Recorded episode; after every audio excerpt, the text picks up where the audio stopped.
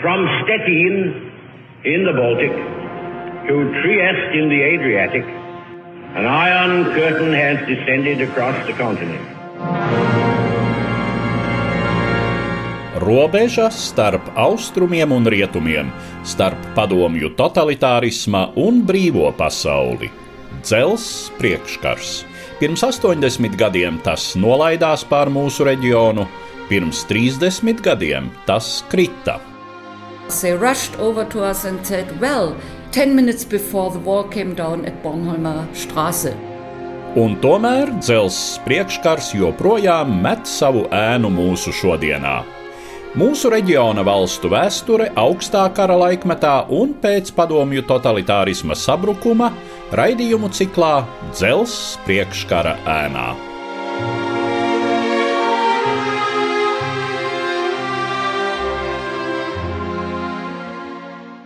Labdien, cienījamie klausītāji! Mans sarunbiedrs studijā - profesors Ilgvars Butulis. Labdien! Labdien! Mūsu šodienas tēma ir Čehoslovākija, divu nāciju, Čehu un Slovāku valsts, kas izveidojās pēc Pirmā pasaules kara.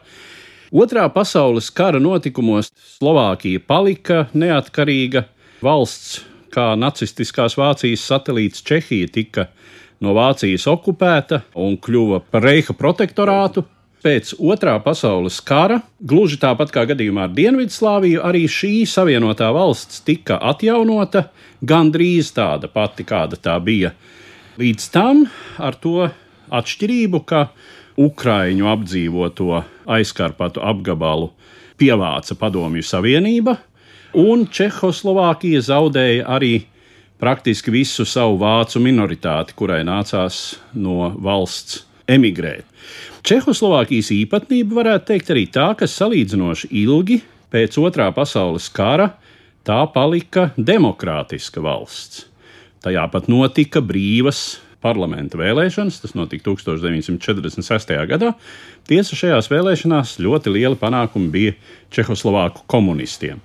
Kas noteica pirmkārt to, ka Čehoslovākija palika pēdējā demokrātiskā valsts šim pusdzelzs priekškaram? Un kā tad galu galā staļiniskais režīms tomēr ievilka arī Čehoslovākiju savā varas sfērā? Kā jūs jau pareizi teicāt, Čehoslovākijas īpatnība bija tā, ka pēdējā no to laika jau padomju satelītu valstīm tikai 1948. gada februārī sākas šis komunistiskās vārds monopols.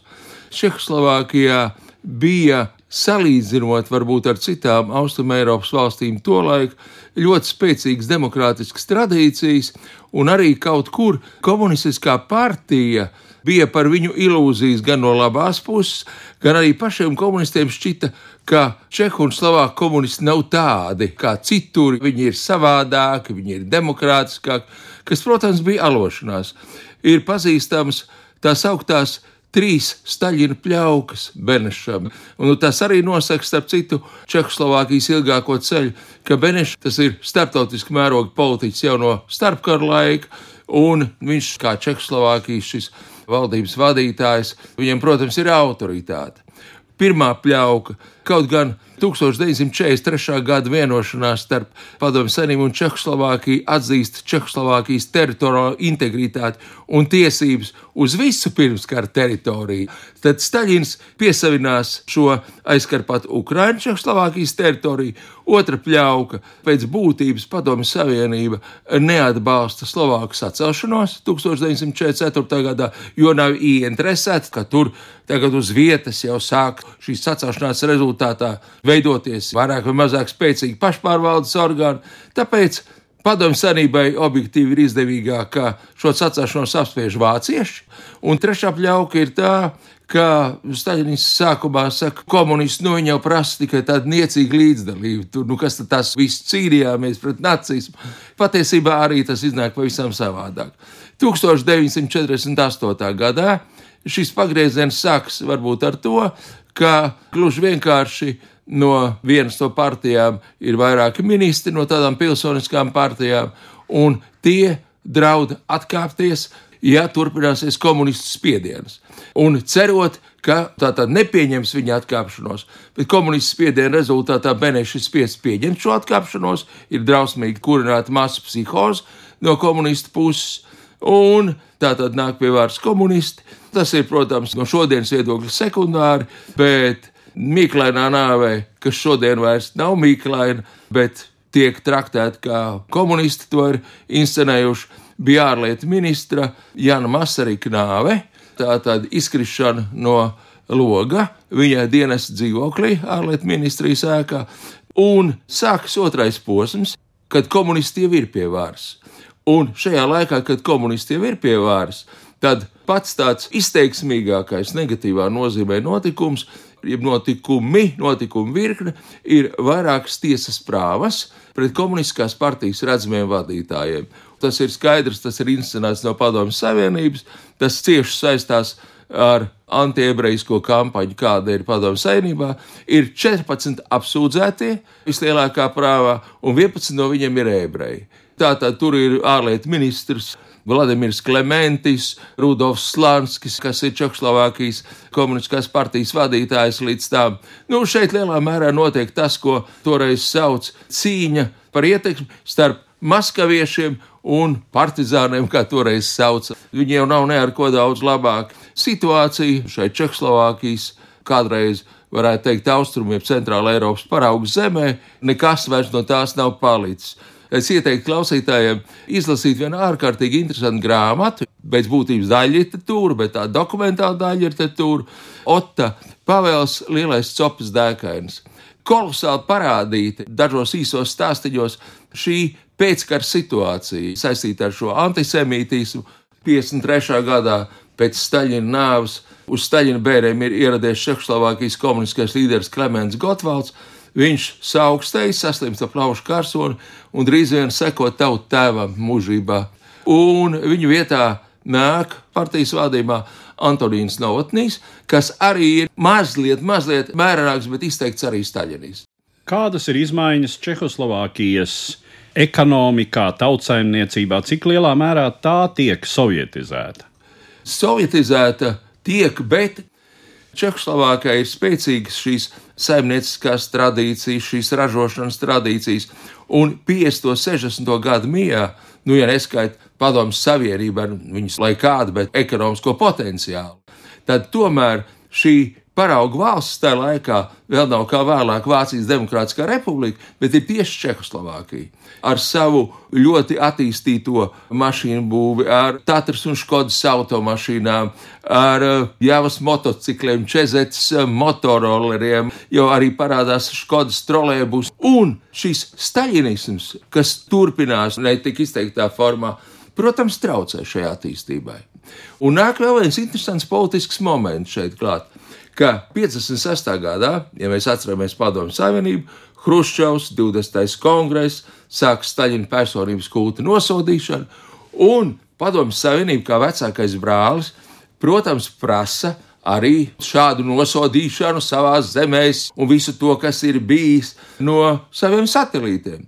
Bet te veidojas tāda nu, diezgan paradoxāla situācija, ka staļinistiem absolūtiem un kas visi ir saistīti ar šiem pagātnes ierosinājumiem, tātad viņiem ir jāsāk cīnīties pret staļinismu savā valstī, ko, protams, viņi formāli dara, bet viņiem sirds un vēsele tur nav klāta. Un viņi, protams, to tā mazāk pēc būtības cenšas izdarīt. Vēl ir viena, varbūt tāda specifiska novotnīga vadītāja īpašība, ka novotnījam ir savs ķēriens un savs pats šarms varbūt, bet viņa lielākā nelaime kā politiskam darbiniekam ir kaimiņamā domāšana. Viņam lēni viss pielēc.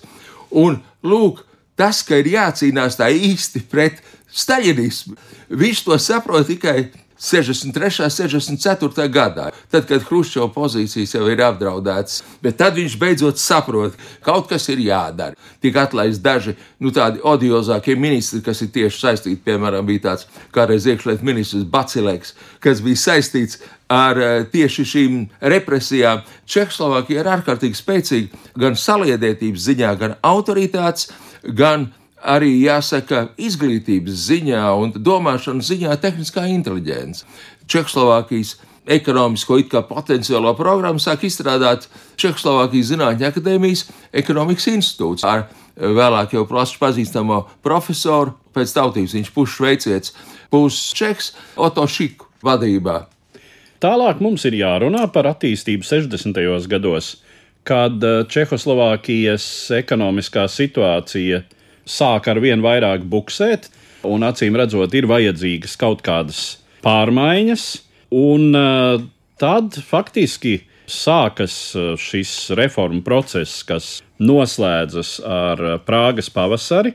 Atspērienu punkts šajā gadījumā ir Slovākija. Virkne salīdzinoši jaunu slovāku izcelsmes komunistu ar Aleksandru Dubčeku priekšgalā ir tie, kuri vispirms pārņem varu, atstumjot malā šos vecos, nu, faktiski vēl daļēji staļinistus, un mēģina padarīt Čehoslovākijas komunistisko sistēmu cilvēciskāku. Tas viss beidzas ar padomju karaspēka invāziju 1968. gadā.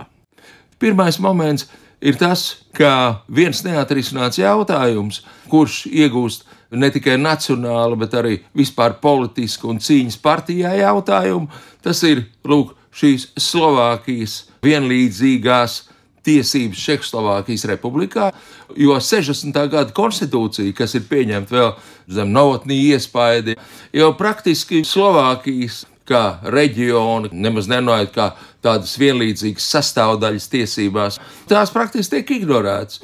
Un dabiski Slovākija, ieskaitot arī Slovāku komunistus, uz to ļoti sāpīgi reaģē. Otrs jautājums - tās aprīnas, kas bija ap šo tehniskās inteliģences eliti, un arī partijas elite daļa. Šajā laikā viņus pārņēma tāds priekšstats, kas veidojas jau par pārliecību, ka ir nepieciešams jauns sociālisms modelis. Sociālisms ar cilvēku seju, jeb cilvēcīgu seju, kas būtiski paredz pirmkārt savienot ekonomikā sociālās plānveidības principu ar brīvās tirdzniecības principu.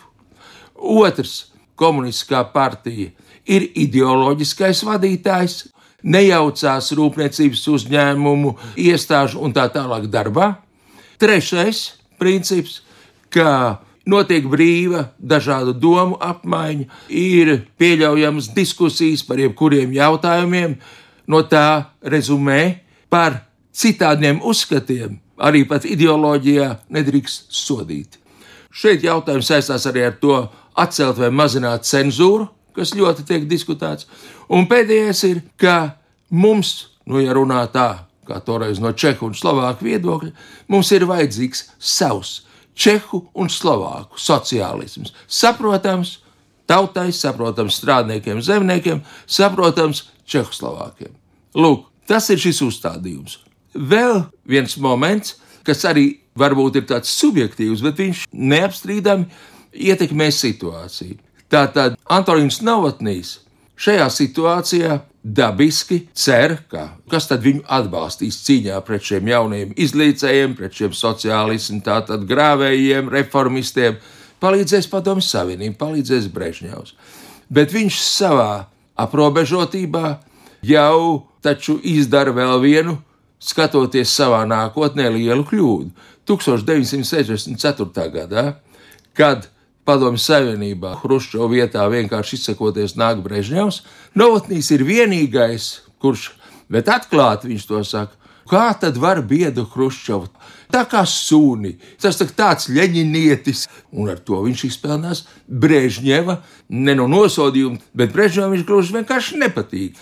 Un 1967. gadā, kad notiek oktobra plēnums Čehoslovākijas komunistiskā partijā, un kad ir jautājums, kas tad būs jaunais vadītājs, nu kā to laik pieņems, Brežņevs arī ir ielūgts. Un Novotnīs un Novotnīši kompānija, frakcija gaida, kad Brežņevs teiks, nu, Novotnīs taču ir.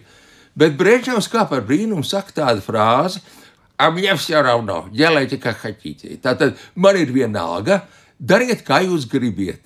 Un ne bez cīņas, bet uh, tiek ievēlēts Aleksandrs Dubčeks. Dubčeks tolaik tiek uzskatīts par absolūts padomju savienības cilvēks, dzimis un audzis Vidusāzijā. Izglītību ieguvis Padomjas Savienībā. Nu, pēc tam bija Slovākijas sacāšanās vadītājs.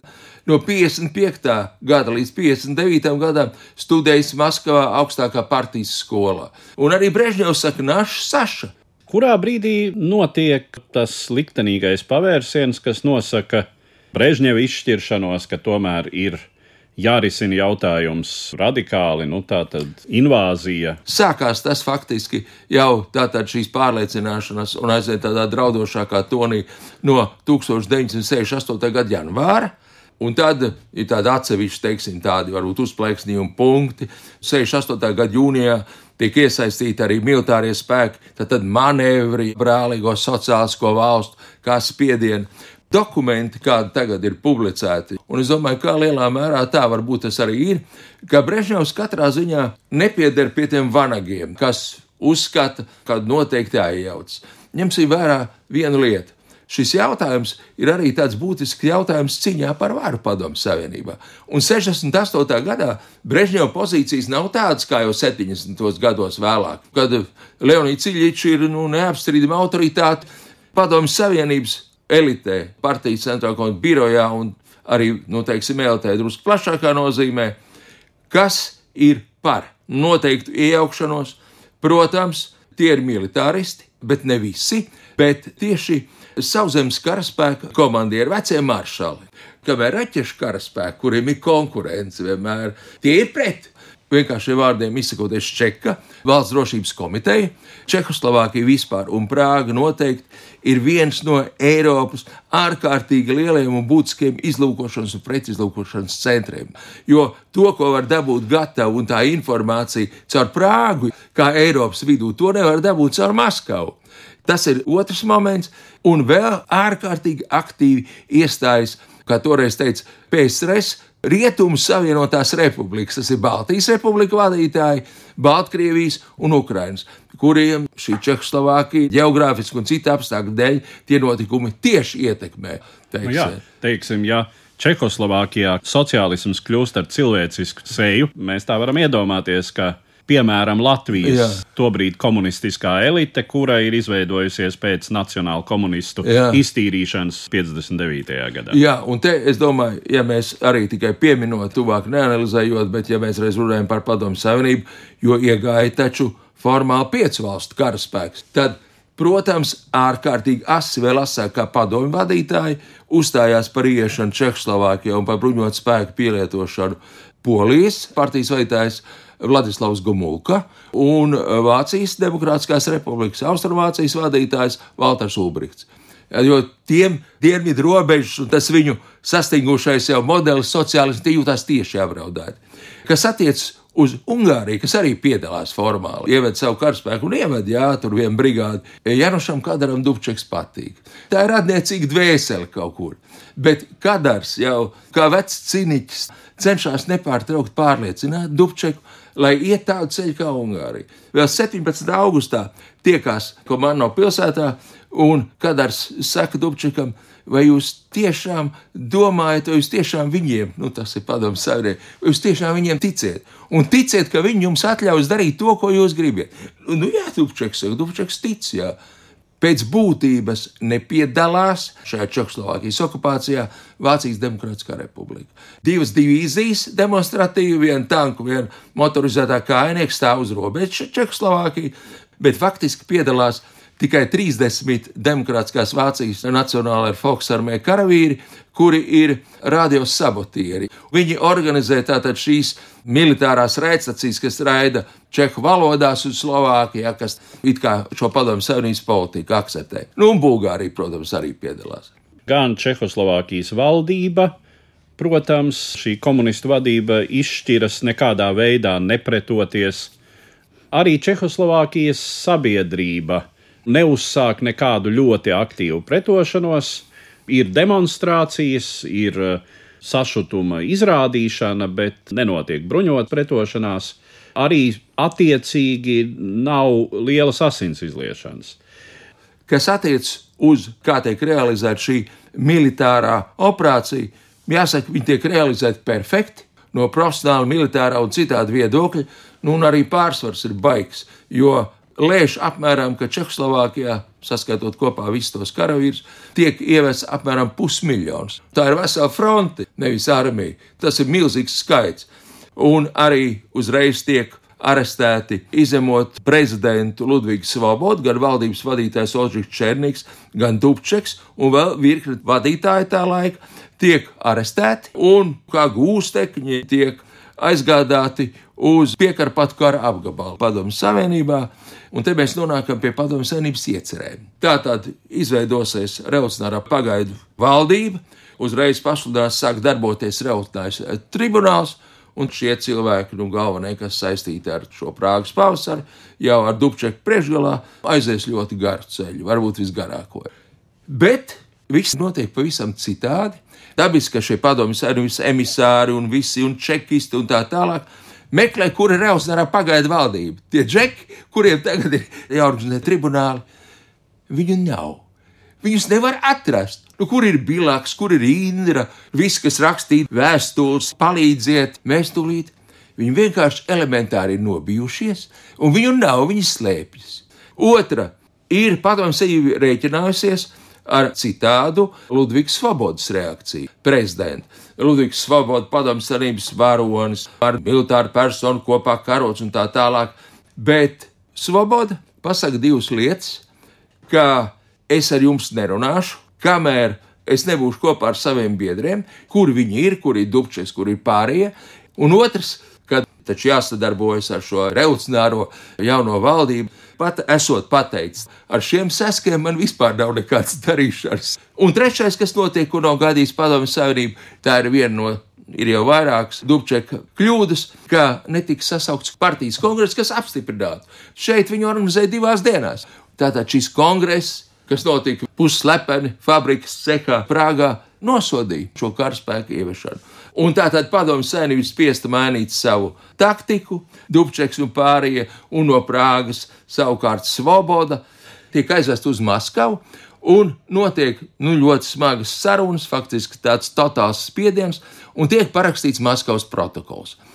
Maskavas protokols no vienas puses tas ir kompromiss, tomēr, jo izņemot dažus gandrīz visi saglabā savus amatus. Gan Černiks, valdības vadītājs, gan Dubčeks, gan Svoboda. Bet apņemās vērsties pret naidīgiem spēkiem, kontrolēt situāciju valstī, nepieļaut daudzpartijas sistēmu. Interesanti, ka ir viens cilvēks, kas neparaksta. Tagad arī saka, tie kritiķi, lūk, visi komunistiskie zaķpastāvs parakstīja, bet bija viens mazs necils ebrejs, Frančišks Krīgels, arī vecs komunists, Spānijas cīnītājs un Francijas pretošanās kustības dalībnieks, nu viens leģendārs tips, kurš atrada sevī spēku un teica, ka tādus papīrus viņš neparakstīs, un viņu nekas arī īpaši nenotika. Viņš pēc tam, protams, ne amatā un tā, bet atgriezās Čehoslovākijā. Bet Dubčeks aerodromā viņa intervēja no Maskavas, viņš raud, Viņš bija emocionāls cilvēks. Viņš saka, nu, diemžēl mēs citādi nevarējām. Mēs jums atnesām tur mieru un tā tālāk. Bet, ja mēs lietojam tādu frāzi, šis līdzsvars neizšķirts ir tikai mirkli. 69. gadā situācija radikāli mainās. Par šo iemeslu kalpo notikumi pasaules čempionātā hokeja. Tas ir 1969. gada marts, marta beigas. Un divās spēlēs, jo tā iznāk tur divreiz spēlēt Čehoslovākijā ar Padomu Savienību, un abās divās spēlēs, vienā 2-0, otrā 4-3 uzvar Čehoslovākiju. Uz to rēģēja arī dzimtenē sajūsma, stihiskas demonstrācijas, sīkās drumstalās sagrauja divas padomu iestādes - aeroflota pārstāvniecību un intūristu pārstāvniecību. Ir jau vēls vakars, tur nav neviena cilvēka, bet tas ir iegars un tagad jau sākas tīrīšanas partijā, ja, un tā tālāk tiek atstādīti no amatiem vispārējie, un par pirmo figūru kļūst Gustavs Husaks. Ārkārtīgi gudrs cilvēks, Slovāks, starp citu, mūsu laikos.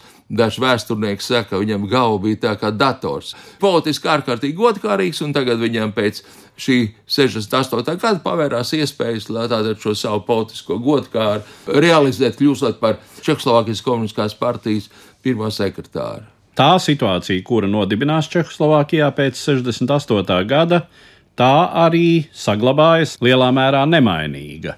Līdz pat 1989. gadam, kad notiek tā sauktā samta revolūcija. Oficiāli šis režīms un šis laiks saucās normalizācija, jā, tāda normalizācija tajā laikā. Faktiski tas ir līdzīgs Brežņevas stagnācijai. Protams, tas nav staļinisms. Ekonomikā arī visas tās pārmaiņas, kas bija iecerētas pozitīvi, lai šī ekonomika un attīstītos un tā tālāk, arī tās nenotiek. Nu, kur vēl var kaut ko drusku saskatīt?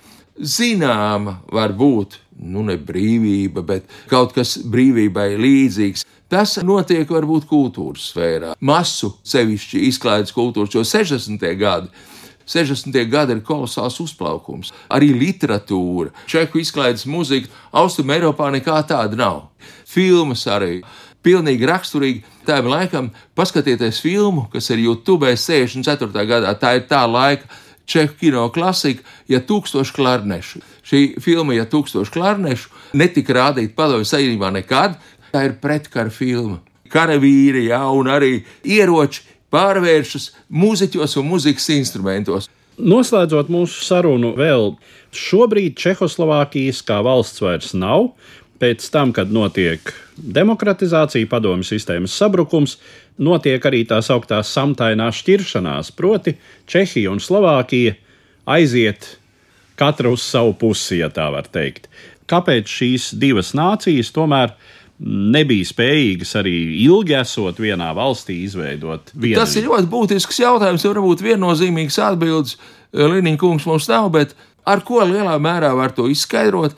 Es domāju, ka šajā situācijā var būt ar slovāku politiķu ambīcijām. Tas ir saprotami un dabiski, un tas bija izdevīgs moments, lai tātad šīs ambīcijas realizētu. Kas šeit, protams, ir interesanti un arī salīdzinot ar Dienvidslāvijas ļoti asiņainajiem un traģiskajiem notikumiem, interesanta bija Čehu sabiedrības reakcija. Tātad Slovāki grib atdalīties. Balkānos, ja kāds grib atdalīties, tad, saka, nu, kur ir nazis? Bet šeit Čehu reakcija bija tāda. Mēs esam pret, nu nav pareizi, un nekas labs ne mums, ne jums no tā nav. Bet, ja jūs gribat, Nu, lūdzu, tad ātri un netraucējiet mums attīstīties. Te ir pavisam cita racionāla pieeja, te ir vidus Eiropas pieeja. Nevēl Čehus sauc kādreiz par Austrumēropas vāciešiem. Nu, racionāli, nu, nu draņķīgi, bet, nu, gribiet, nu, ejiet. Bet katrā ziņā, nu, tagad, protams, tas ir jau tā izveidojies. Un, jāsaka, gods, godīgi, es domāju, ka Slovākija ir sevi apliecinājusi kā valsts visādos momentos. Protams, arī viņiem ir bezgalīgi daudz kaut vai teiksim, tās pašas attiecības ar Ungāriju vien, arī šodien. Bet katrā ziņā tā tas ir veidojies, un kā to vērtēt šodien, ir divi tādi viedokļi, kurus pārstāv izcili cilvēki, kurus arī faktiski nu, zina visā pasaulē. Tātad vienu pārstāvēja nu jau nelaiķis Vaclavs Havels, kurš teica, tas 68. gads, nu, ko jūs par viņu runājat tik daudz? Komunisms vispār pierādīja, ka viņš nav darboties spējīgs, un vai mums tagad nav vienalga labs komunists vai slikts komunists, reformists, nereformists, aizgājis pagātnē, viss nogrims. Nerunāsim par to.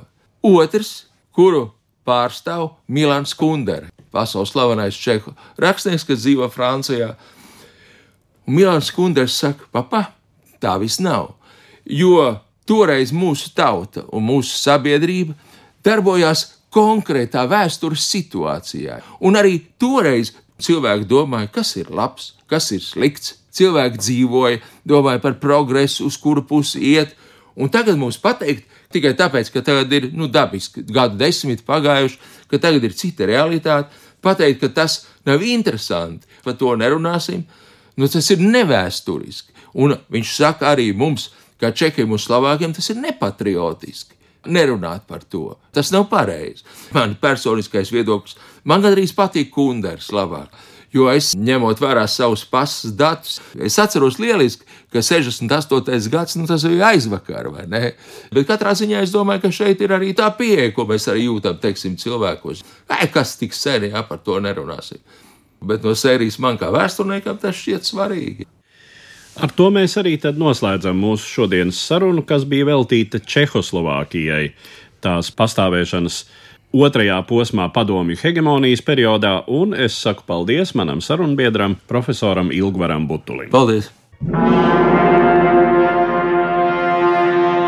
Cik platu ēnu joprojām met pirms 30 gadiem kritušais dzelzs priekšgars? Mūsu reģiona valstu vēsture padomju totalitārisma periodā un pēc šīs sistēmas sabrukuma raidījumu ciklā Dzelzs priekškara ēnā. Katra mēneša pēdējā trešdienā pēc pulksten trijiem pēcpusdienā Latvijas Radio 1.